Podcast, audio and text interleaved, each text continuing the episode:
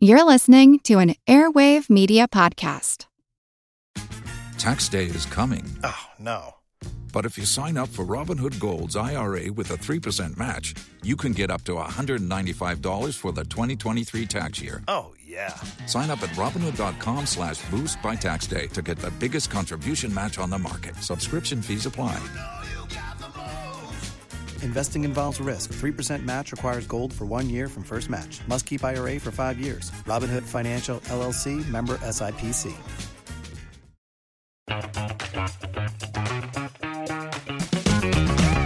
Hey there, I'm Dylan Lewis, one of the hosts of Motley Fool Money. Each weekday on Motley Fool Money, we talk through the business news you need to know and the stories moving stocks on Wall Street. On weekends, we dive into the industries shaping tomorrow and host the experts, authors, and executives that understand them. Tune in for insights, a long term perspective on investing, and of course, stock ideas. Plenty of them. To quote a listener, it pays to listen. Check us out and subscribe wherever you listen to podcasts. This is Kickass News. I'm Ben Mathis.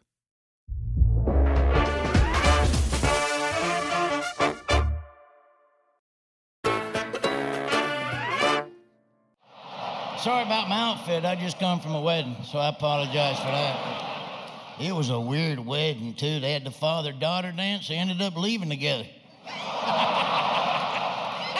All right, one more joke like that, I'm getting the hell out of here. All right, because that's, that's uncalled for right there.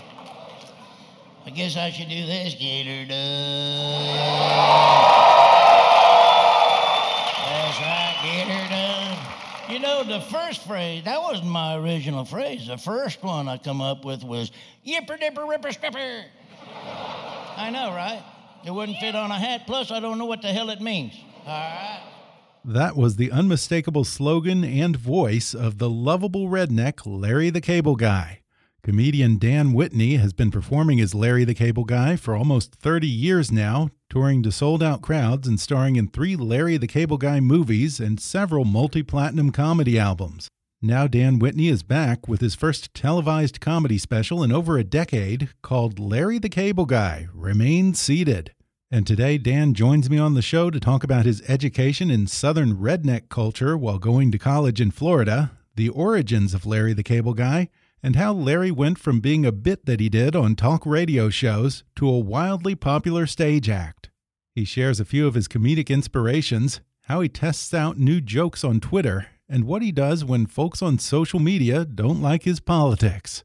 He also discusses what it's like touring with his pal Jeff Foxworthy and his unlikely friendship with comedian Lewis Black.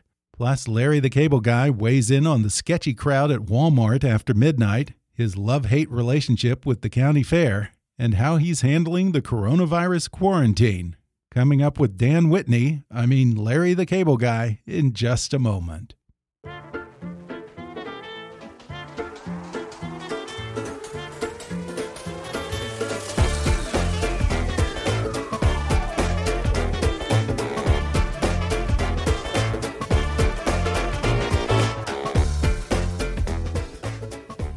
Dan Whitney, better known as Larry the Cable Guy, is a multi platinum recording artist, Grammy nominee, Billboard Award winner, and one of the top comedians in the country. Now he's out with a brand new hour long comedy special on Comedy Dynamics Network called Larry the Cable Guy Remain Seated. Dan, welcome to the show. Yeah. Hey, thanks for having me, Ben. Boy, I love that intro. You read it just like I wrote it. well, I understand that this is your first new stand up special in over a decade. Why such a long hiatus? Yeah, well, you know, I well, it's not really a hiatus. I've been doing other projects that I use material on, and so you know, I didn't have enough for an album. I did uh, them idiots with Bill and Bill and Jeff, and then mm-hmm. Jeff and I toured for about two years, and we made a special out of it called "We've Been Thinking," and uh, you know, so that's uh, another hour. So that's like two. Uh, that's over an hour there, an hour and a half, and uh, so I don't know. I've just been, you know, I've been spending time with my family. I only do about thirty dates a year, and they came to me and said, Man, you haven't done a special in a while. Do you want to do a special? And I said, You know what? Let me see if I got the material. So I yeah. went through and I, man, I had plenty of material to do another album and I love the material. It's, man, it's some of my best stuff. because I didn't really care anymore. You know, yeah, I get to a point, Ben. It's like what I always said about Conan O'Brien when he was on the Tonight Show and he knew they were going to lose the Tonight Show. That's his funniest shows he's ever done because they could have cared less what they did. That's so true. That's and it's so kind true. of, you, you're just free. Your mind is free to be yourself. And so I didn't really plan on doing another one. I was just enjoying my life, and I had a great career. And I was just having fun and right. Oh, this is funny, and I'd write it down. I'm looking at my stuff. I go, man, this is some funny stuff. so uh, I said, yeah, we'll do another one. So Yeah. I so this yeah, this is my first solo project in about ten years. Wow. And I didn't, and you know, I do one-liners. I didn't think I could write any more Walmart jokes, but by golly, I, I found about another seven minutes worth. yeah, you sure do. And by the way, I love your Walmart after midnight bit that you do in the special. You know, my dad is sort of the opposite of that. He likes to go to Walmart first thing in the morning around 4 or 5 a.m. For him, it's Right. kind of like his morning coffee, I guess. I- are those vastly different crowds, the early morning Walmart customers versus the late night customers? yeah, the, I've always enjoyed the late. There's more to watch. Yeah. There's definitely more entertainment on the late night crowd. It's kind of like uh, a Greyhound bus stop, you know. Yeah. yeah, and I just realized that I sort of shortchanged my dad, and he'll be upset at me. It's not a Walmart. They they're better than that. They have a super Walmart where he lives in Texas. And those places are like miniature cities, aren't they? Oh, they got everything in there, and I think I talk about almost everything they got in there. So Yeah. I mean, know, and you know, God love them. I mean, I make fun of Walmart. I've been shopping at Walmart obviously forever. You got to shop there to know what you're talking about. So mm-hmm. they sell. Uh, some of them sell my Bloody Larry mix. It's kind of like a Bloody Mary mix. So there, look, they can take a joke. So that's God love them. yeah, uh, have you ever heard from Walmart? Are they are they generally pretty cool with uh you're joking about them for God, I Oh, don't know how many years now. Yeah, no, they're they're cool with it. Look, if you can't make fun of yourself and pick on yourself, you got problems. Yeah. I'd rather shop at a place that doesn't mind getting ribbed than one that gets all bent out of shape. Yeah. you don't, I don't want to shop from them anyway. Walmart for Larry the Cable Guy is uh, sort of like uh, Hot Pockets for Jim Gaffigan. it's just the joke that keeps on giving, huh? I hear you. And of course, I got a bunch of stuff. I work a lot of fairs, and I grew up in Uh-huh. fairs, so I got a nice long chunk about the fair as well. So I mean, It was fun. I'll tell you, it was fun writing these jokes. I mean, just uh, one. I come up with one, and then boom, boom. There was two good tags, and Yeah. it's, uh, it was it was a lot of fun. I got so in some of them, I get on stage, you know, I'd work these shows, and I get so into the joke, I would just boom, boom, boom, and I go, oh man, those were funny. So I'd write those down. I was actually I was just creating on stage a lot of these things.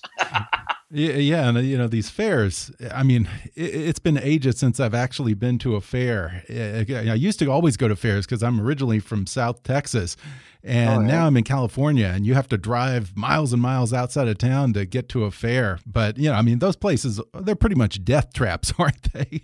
Well, I tell you what, they, you know, I grew up in the at fairs. Some of my greatest memories as a kid were going to the small town fair. I mean, I still love them, but I gotta say, you know, there's one. I always used to say there's one sign you don't see at a fair anymore, and that's uh, they don't have the no shirt, no shoes, no service sign.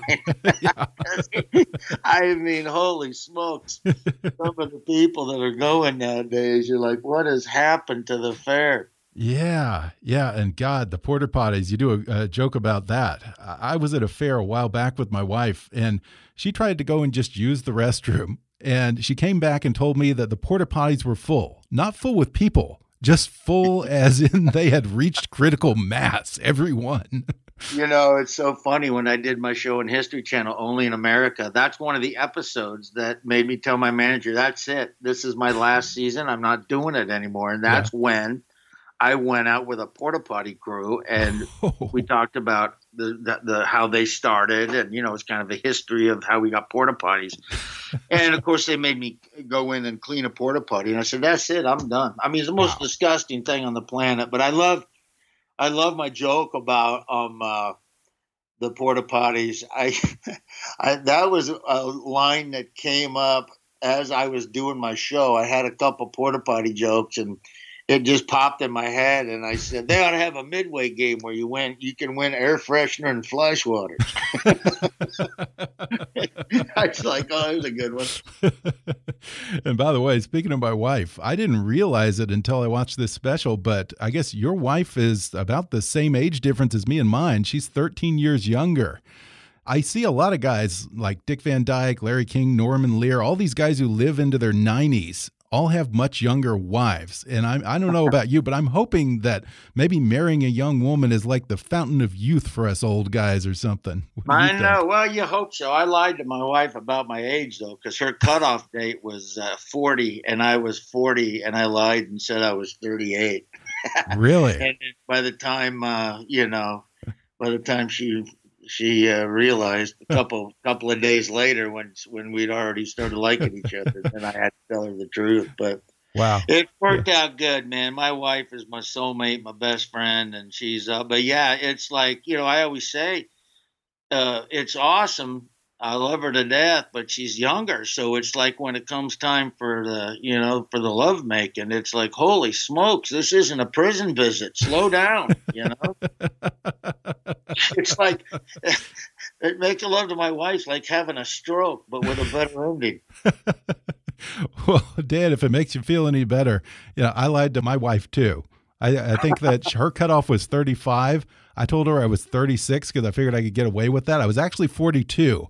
And I very oh, gradually man. broke it to her. Every couple of weeks, I would reveal that there was another year or two to my age.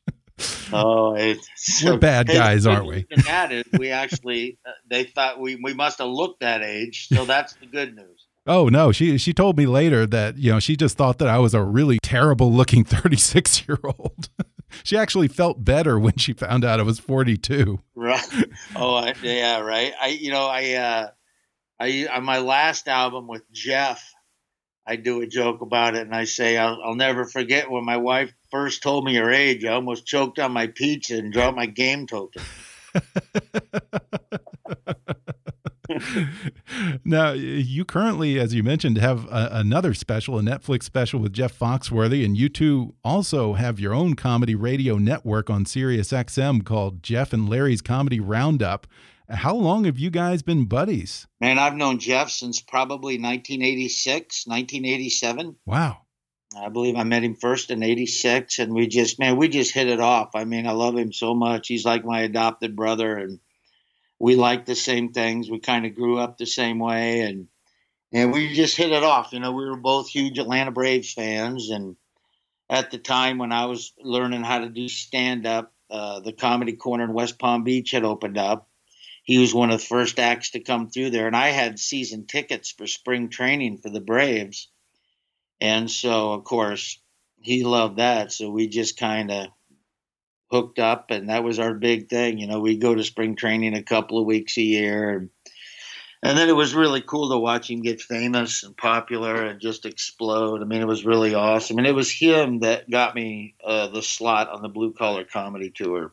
Oh, really? Um, he didn't know that I was doing a whole thing called Larry the Cable Guy, and and uh, so he wanted to see it, and so I went up and did a show up in Nashville for a show called History of Country Comedy, and he just loved it. So talked it over with the other three guys, and I got the slot. So it's pretty neat. Is he a fun guy to tour with? Do you guys ever get sick of each other when you're on the road? No, man. Jeff is just awesome. He's just a he's just a fun guy. I think Jeff is funnier. I mean, Jeff obviously is hilarious on stage, but I think off stage he's twice as funny. Nobody makes me laugh like fricking Jeff Foxworthy when he goes into his little he'll do his little redneck voices yeah. and I mean he really makes me laugh. And the funny thing is, we both get it. We both mm-hmm. literally grew up the same way, you know. Really? And so uh, I was just in the in, in a Midwest. I was from a farm community in the Midwest. He's from a hunting community in Georgia. So it's two different, uh, you know, it's two different kinds of of, of redneck, but it's still the uh, the same country envelope, you know. Yeah. Yeah, and that's one of the ironies about you is you play Larry the Cable Guy, who is a Southern redneck, and yet you're actually from Nebraska. In fact, you still call Nebraska home, I think. Oh yeah, I grew up on a I grew up in a town of 1200, 1270 in a town called Pawnee City, Nebraska, in the southeast corner. I grew up next to the livestock barn. I was a, we raised pigs, we had pigs. And uh, when I was growing up, uh, my goal I wanted to be a, a cattle auctioneer. Really? And uh, that's how I grew up. And then I moved to Florida. So I moved to the South when I was 15. And then uh, I was there for 30, 36 years. And so I, I went to college at a Baptist college in Georgia. And I just, you know, I just submerged myself into the whole culture. It wasn't far from mine. You know, everywhere I went in the South was exactly like where I was in uh, in the small town of Pawnee. Except we just didn't Right. have accents. That's about the only difference. Is there such a thing as a Nebraska redneck, or is there a difference between a Nebraska redneck and a Southern redneck? Just the accent, brother. That's about it. And so- and I'll be honest, so some of folks in my neck of the woods even have one of those. well, Larry the Cable Guy has just been wildly popular for years. He's toured to sold out audience, had three gold comedy albums, and starred in three movies. Why do you think this lovable redneck is so popular with audiences? Well, you know, I just, I, I you know, I'm a friendly guy. I'm, I, I, I don't think I'm better than anybody else. I just want to make people laugh. I've always been friendly, outgoing. I love my fans. Uh, you know, they can. Uh, I think they can see that. You know, I, uh, I'm just, I'm just, I'm kind of like everybody else. I'm just a regular guy. I really am. I, I, I have a different job. Of course, I'm a comedian, but far as my life goes, I grew up just like any other regular Joe Blow on the street, you know. So I think that comes across. I think that came across for Jeff too, for all of us blue collar guys. Mhm. You know, I think we're just always very approachable. We're all very thankful for our success. We we we we understand that there's people funnier than us.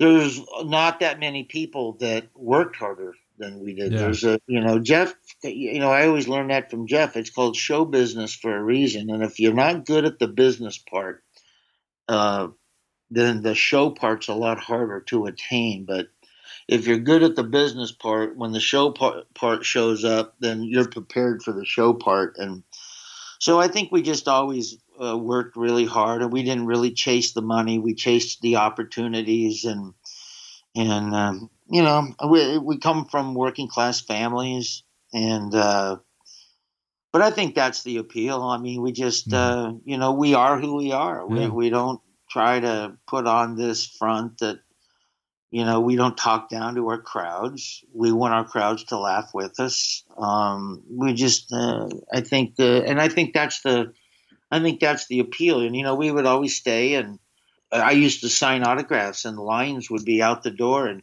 i'd finish a show at an arena and i'd sign autographs for three and a half hours after the show Wow. and it got to the point where they said hey you got to knock it off man we're paying overtime for people to stay and Yeah.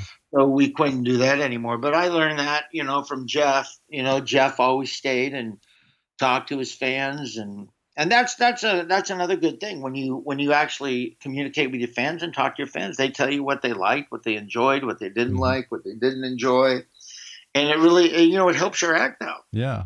Now, do you like going on tour? I know some comedians who just love to get out there and hit the road, and some of who just completely hate it. What's the deal with you? No, you know, I like it. I especially now that I started golfing. I got into golfing Oh, ten yeah. years ago, so now I I golf when I'm on the road. I get to golf at different courses, which is nice. But no, you know, I only do about thirty a year, Mhm. twenty five to thirty. You know, you do get sick of traveling. You you miss uh, your family and Sure. uh, so obviously you get sick of traveling, but the payoff is doing the show because there's nothing funner than the show. And there's nothing funner than writing a joke, and you just can't wait to get to that part in your act so you can do that joke. And so that makes it all worth it. I think a good balance, if you can do it, then a good balance is good. And I've been blessed and fortunate enough to where I'm able to pick and choose what I want to do and go where I want to go. And uh, but uh, I, I look when I was on the tour bus and we were on the road 285 days a year. I loved every minute of it. It got tedious at times, but you know, you're out with your buddies and you take your opening act, your t-shirt guy, a video guy. I mean, it was just a great time. I don't regret any of it. I loved it. Uh, the times now of those big tours are over with, but the few times that I do go out on the road, I enjoy every second of it. Mm -hmm. And when you're building a new special like this one, do you test out new material on the road? Do you have a comedy club that's your home base for that sort of thing? Where do you try out material? Yeah, you know, I always go up to the Funny Bone in Omaha. It's oh. about uh, 45, 50 minutes north of me. And I'll go up there and I'll work out new material. But, but the, the majority of the material, though, is uh, you just pop it in as I'm doing a show. Uh -huh. So I would put in five or six brand new jokes every night just to see if they worked. I mean, I already knew I had enough jokes that the crowd was going to enjoy it. Um, but I would always try new stuff every night just to get ready for it. Yeah. But if I had large bunches that I wrote, I would go up to the Funny Bone in Omaha and I'd do a guest set, or else I would just book a couple of nights, and and then uh, all the money would go to a charity in the Nebraska area. oh, that's great. We're going to take a quick break, and then I'll be back with more when we come back in just a minute.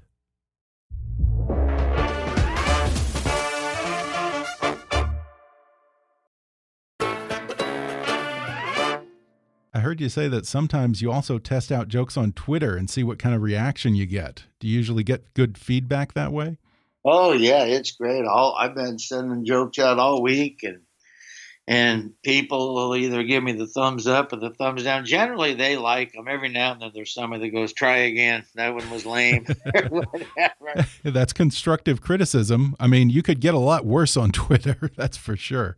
Oh yeah, no doubt. But uh, but yeah, I like sending stuff out. You know, yeah. people like to read funny stuff. So if I think of something that I think will be funny, I'll send it out. Yeah. Well, I want to ask you about the origins of Larry the Cable Guy. I understand that your college roommates helped inspire him. Is that right? Yeah, you know, it's kind of a combination of just people that I grew up with. Mm -hmm. You know, um, I was doing characters on stage. I like doing characters. I love ad libbing and stuff. And I was just looking for some characters and and uh, and I just hit on this one. It started out as a rodeo guy I used to watch Mesquite Championship Rodeo, and I went on stage, put a cowboy hat, and said, "This guy ever come over your house?" And I'd be like, "Hey, that bull come around, give me an ivory animal, but he took me up there to pay with it."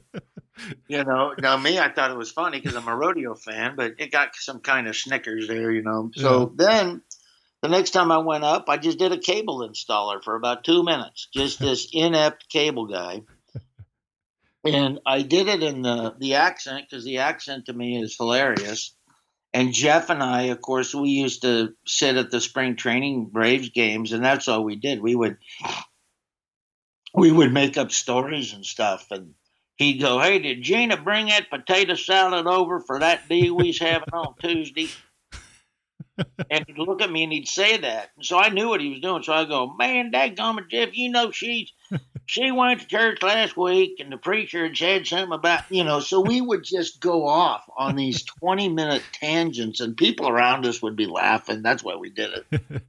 I just kind of added that into the thing and and uh, you know, I picked up the accent early on when I went to college in Georgia because my roommate was from Dalton, Georgia. My other one was from Beaumont, Texas, and Oh yeah. I don't know. I, I tell everybody, look, if you move to the South for any period of time and you're and you're anywhere, you know, and I'm a country kid. You know, I'm a country. I grew up a country kid, and so I just started picking up the accent, and I could do it and I could not do it. I mean, even to this day, when my friends call me from Florida, I'm talking like they are. And my wife said the other day, my buddy Brad called. She goes, "You know, you did that entire conversation with Brad with your with in in character." I said, well, "I didn't mean to. It was Brad. That's how he talks." so you know, it's just uh, it just that's how it started, and it and I did it on stage, and then I started calling a radio station in Tampa doing it, and it just got really popular. And one of the things that I was really encouraged by one night at the Comedy Corner in West Palm Beach, it was a double bill. It was, uh, it was, uh, oh man, from Saturday Night Live. It was, uh, uh what's his name? Making copies. Uh, oh, David Spade, or no, no, Rob Rob Schneider. It was Rob Schneider and, and David Spade were at our Oh, club, both? Wow. the co-headline thing. And I had done it. They were there the whole week. So of course we did the open mic night and had guest sets, and I went up did a guest set. And they literally, as soon as I got off stage, they both came up to me and said, "Man, that cable guy character you're doing, keep working on that. That's really funny. That's a Saturday Night Live type character." and I said, "Yeah, thanks. I'll keep working on it." So that's Wow. what I did, and and the reason I never planned on doing it on stage at all, and then my buddy Les McCurdy at the comedy club and at McCurdy's Comedy Club in Sarasota was trying to sell tickets, and so he just billed me. Dan Whitney, aka Larry the Cable Guy from 95 YNF. That was the station I was Wow. on. So originally he began as a radio voice you were doing. He wasn't originally a stage act, is that right? No, he was a he started on stage, but it Oh, was only about Okay. two, it was only about two minutes. And then my buddy wanted me to do it on his radio show, so it got popular on the radio. Okay. It was never a big part of my. It was it was something I did for just a, a laugh for two minutes. Um, and so it got popular on the radio, and then he billed me one night as the character, and I was kind of upset at him. I told him, I said, Les, this is total theater of the mind. You know, I mean, I'm saying stuff on the radio that I would never say in real life. And so Yeah. I went on stage as myself, and they were yelling my phrases, get her done. I popped into the character, and I couldn't follow the stinking character. So he he told, and I had a funny act. yeah. And then he told me, he said, Have you ever thought about doing your whole show like that? And I said, Not really. I, I said, He says, Can you? I said, and I remember this. He said, Can you do your whole act like that? And I said, Les, I'm talking like a redneck 24 hours a day. I go, You've seen my friends. You know where we go. you see us at the country bars. So I went and changed and I put on what I drove over in. By the Yeah. way, for the people that think I'm faking being a country kid, I drove over in a 1986 Trans Am with T tops with a big blue Firebird painted on it. Love it. And I okay, and I and I put on what I drove over in a pair of lace up roper boots, pair of blue jeans, a cut off Nebraska T-shirt, and a NASCAR hat. And I went on stage. He took my real name off the board, and I went on stage for the first time as Larry Wow. the Cable. And that look has lasted for the whole time, you know, and that's got to be risky because, of course, you know, listeners already knew Larry the Cable Guy from the radio. And, you know, with radio, you conjure up your own image of who this guy Right. is and what he looks like. That must have been a lot of pressure to live up to those expectations. Well, you know, the first person that ever saw me, I, the first appearance I ever made as Larry the Cable Guy was before I ever started doing it on stage. They had a live remote. They wanted me to show up at the remote, and I said, "Well, all right." So uh, I uh, showed up, and there there was a line of cable trucks, sixteen cable trucks, that No came kidding. down from the Tampa Bay Cable Company to get a free T-shirt. And this one guy, I gave him a T-shirt. And he goes, "Hey, thanks a lot. Hey, where's Larry at?" I go, "I'm Larry." He goes, "You're Larry?" I go, "Yeah." He goes, "No kid." I said, "Yeah." He goes, "Huh." Boy, you ain't nothing like I thought you'd look like. And then he turned around like he was all dejected and walked back to his truck. like, well, so there you go. I guess I sounded older on the radio, but uh, yeah, that was the, my first time I ever saw me. And then after I did that thing in Sarasota, you know, he sold out two shows in like 30 minutes. So I, I like a light Wow. bulb went off in my head and said, man, if I can get more radio stations and get them to promote my show, I can sell out and, and get some good money in these Yeah. comedy clubs. Because that's what it's all about, making people laugh, making a good living. And so that's that, man, that is the complete start of everything. What was your stand up act like before Larry the Cable Guy? It was the same thing. It was real oh, okay. quick, high energy, fast paced, one liners, just a lot of vaudeville type stick, just set Yeah. up punch, set up punch, set Yeah. up punch. That's what it was like. Quick, fast. Dom Irrera, you know Dom Irrera, Mhm. right? Sure, yeah, yeah. Dom Irrera was a good friend of ours that used to come to the comedy corner all the time. And Dom Irrera said that I had the funniest, fastest first 15 minutes of comedy in the country. Wow. And after that first 15 minutes, that's pretty much it. but he said I could go anywhere with that 15 minutes and nobody can follow me. well, that's I pretty. told Dom, I said, well, I better get another 15 minutes then. yeah, your act follows that the, this classic joke format. Like you said, it's mostly one-liners. Were you a big fan of the great one-liner comics like I don't know Bob Hope, George Burns, of course Henny Youngman, the king of the one-liners, Oh, those kind of guys? Totally. You know, when I was a kid, I ate those Dean Martin roasts up. Oh yeah, I mean, I loved them. Charlie Callas just killed me. Uh, and I also loved the, the more modern ones. Of course, I was a big Steve Martin fan oh yeah.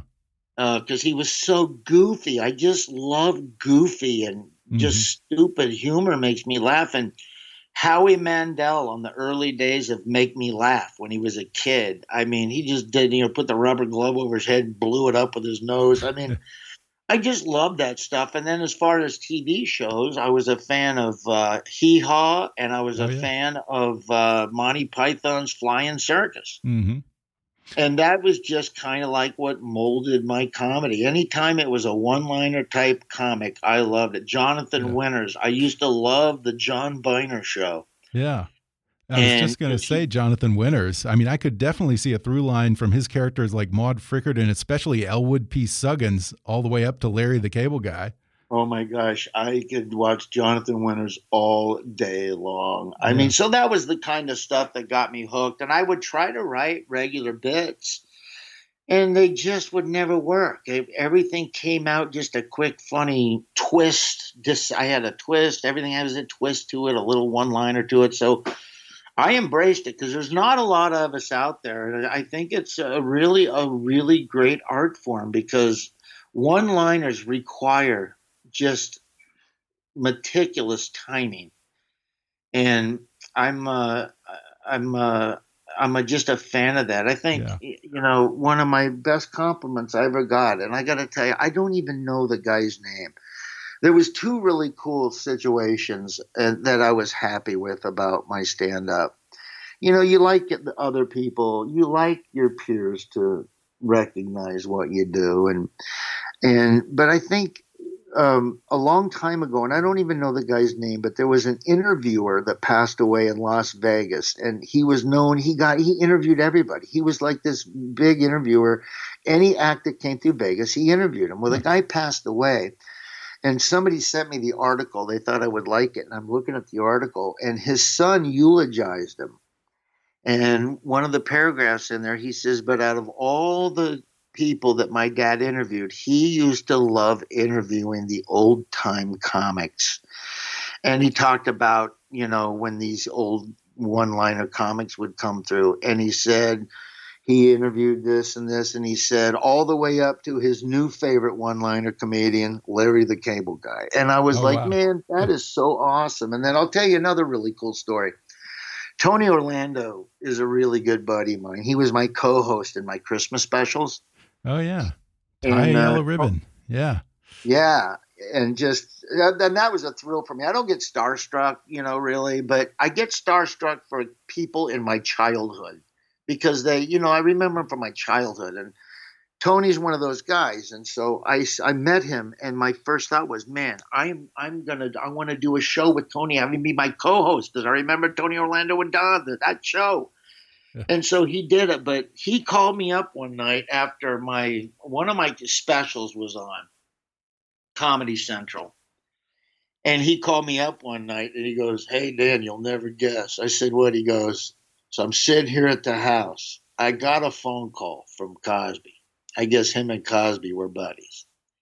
I, and he told me, he said, Hey, Tony, turn the TV to Comedy Central. You're you watching TV? He said, Yeah. He goes, Have you ever heard of this guy, Larry the Cable Guy? And Tony said, I told him, I said, Oh my gosh, he's a really good friend of mine. As a matter of fact, we're going to do a Christmas special together. He asked me to be his co host. And Bill Cosby told Tony Orlando, he said, This guy's timing is impeccable.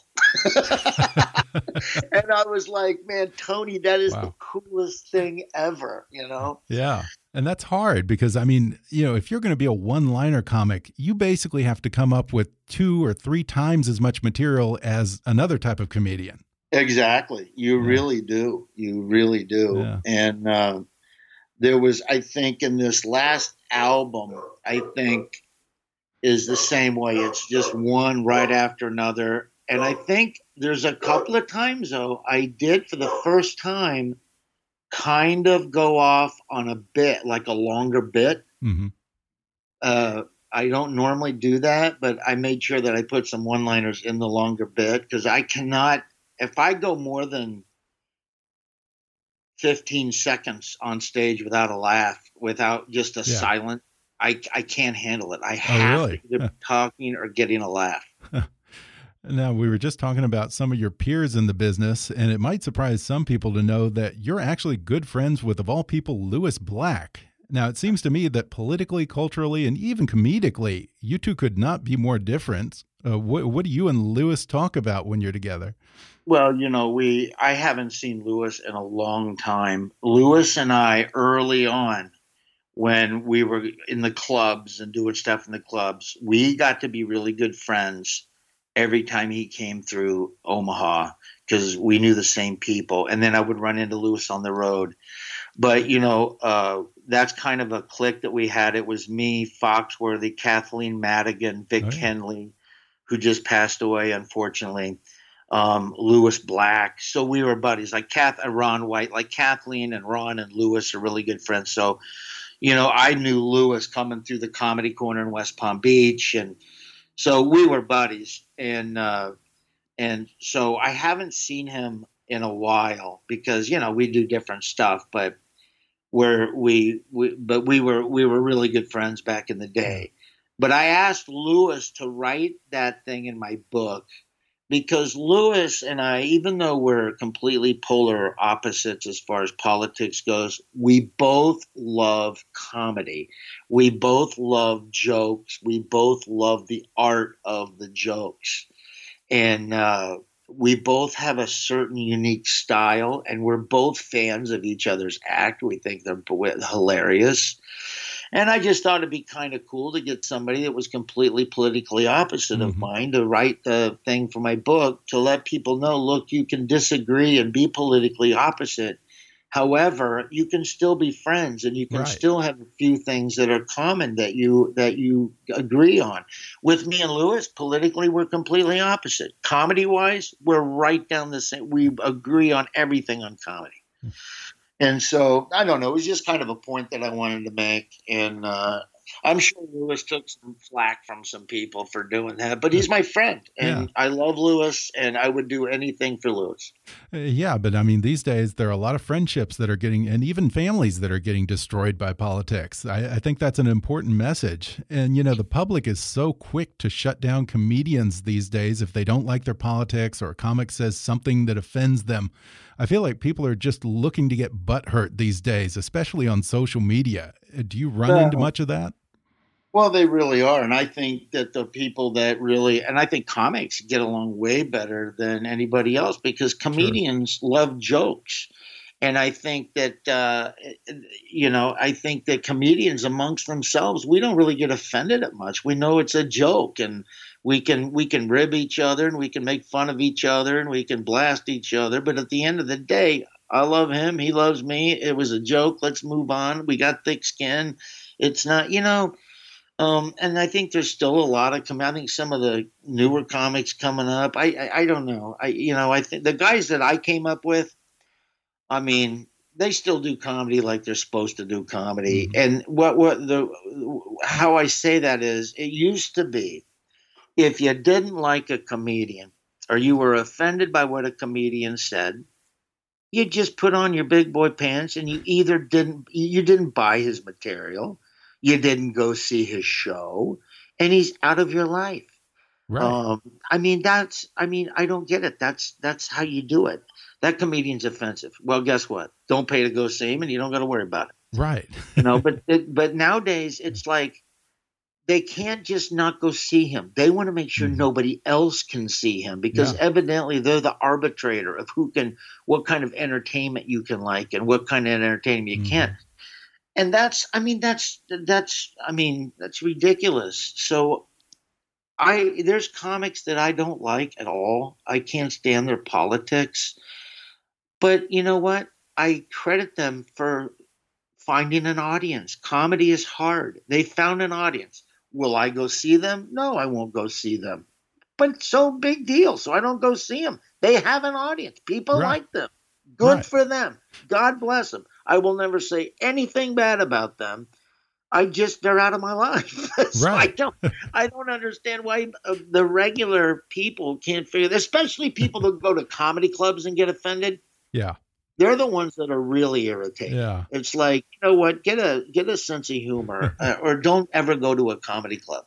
Well, how about from the other side? Do you ever run into trouble? Do you ever get uh, audience members who maybe are from the rural South and feel like you're making fun of them with this kind of feckless, unsophisticated redneck character? Does that ever happen? Not at, not at all. Look, when Yeah. I was growing up in the farm, when when I was growing up in the country, I mean, people look, people still make jokes about living on farms, and you know what? Who cares? We Mm-hmm. Like to laugh. We can look. I can make fun of myself with the best of them.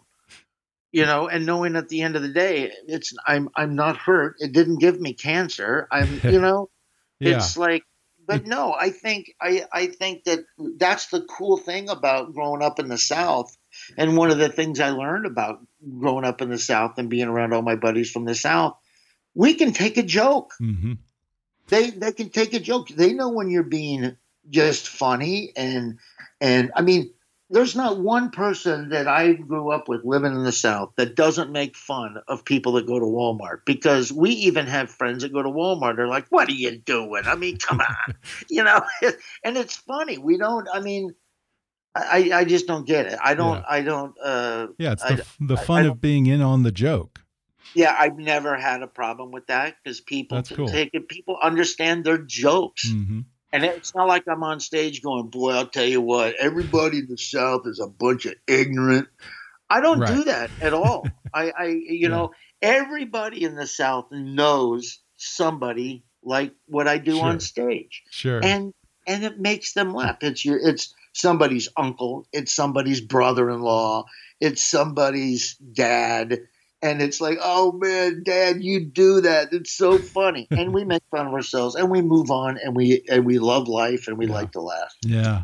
And let me tell you, and in all honesty, if I thought that uh, the people I grew up with in the South thought I was making fun of them, I wouldn't do it. Yeah, and I think that shows. Well, right now, here we are. America's in the middle of an unprecedented crisis with the coronavirus and most of the country on lockdown. And a lot of comedians like yourself are asking, you know, what is the role of comedy in all this? Is it okay to make jokes about what's going on? What's your opinion on that? Well, look, if you're a comedian, you want to make people laugh. Mhm. You know, I mean, if you if you can't, uh, how many? It's like I did a I did a thing. I, I'm doing a little series now about Star Trek, and it's Captain Kirk, Oh, yeah? Stardate, Seventeenth Day of Captivity on the USS Enterprise, and I just tweet out a picture and what the caption says. Yeah. and it's really funny. I'm getting good response on it. But one person says, "I don't think well, you should joke about this virus." This, vi-" and it's like, you know what? Then we can't joke about anything. If you Yeah. can't try to make a lighthearted joke about something like this, then I mean, you know, it's the it's the then just don't listen. Yeah. Then don't follow me on the website anymore. You know, it's Yeah. not. It wasn't.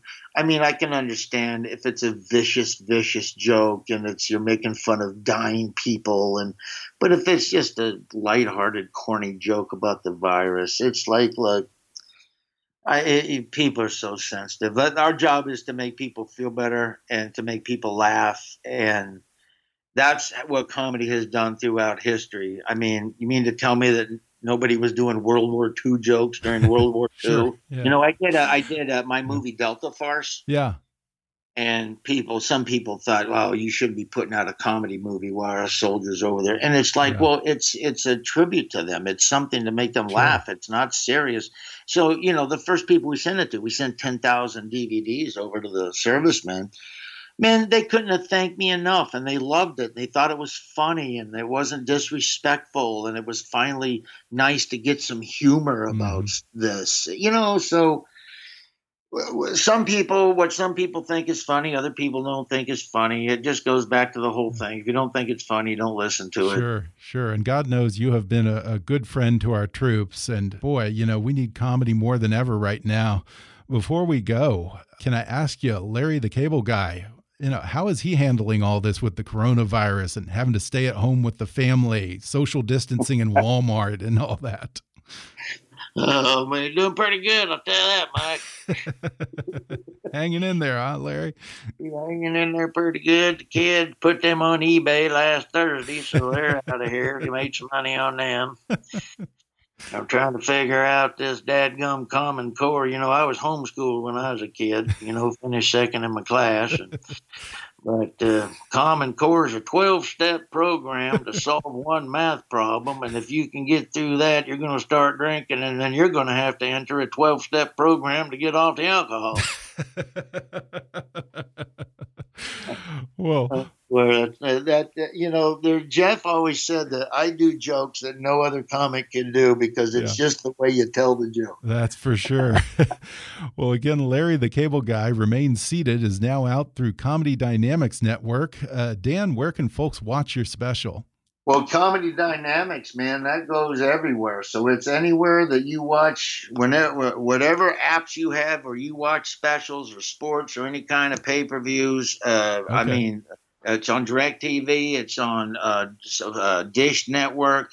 It's on YouTube. It's on Prime, Amazon Prime, Hulu. It's on all of that okay. stuff. Okay, terrific. So pretty much the all of the only things that we can rely on for entertainment right now, you're covered them all here.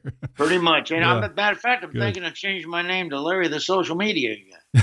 uh, and by the way, there's also an album coming out this weekend too. And of course, folks can visit your website, larrythecableguy.com, for more fun stuff. And hopefully, whenever this quarantine ends and it's safe, we'll see you hitting the road and performing live again.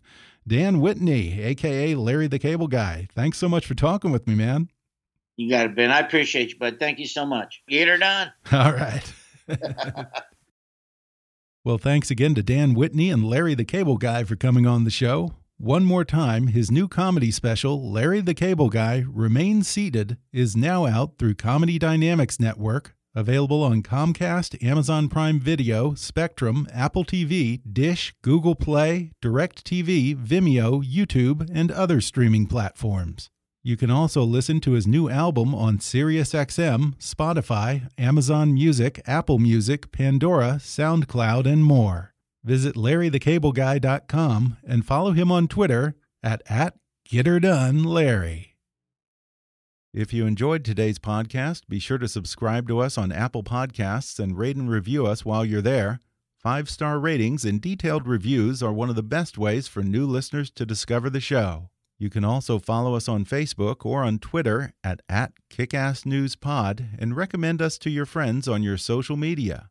For more fun stuff, visit kickassnews.com, and I welcome your comments, questions, and suggestions at comments at kickassnews.com.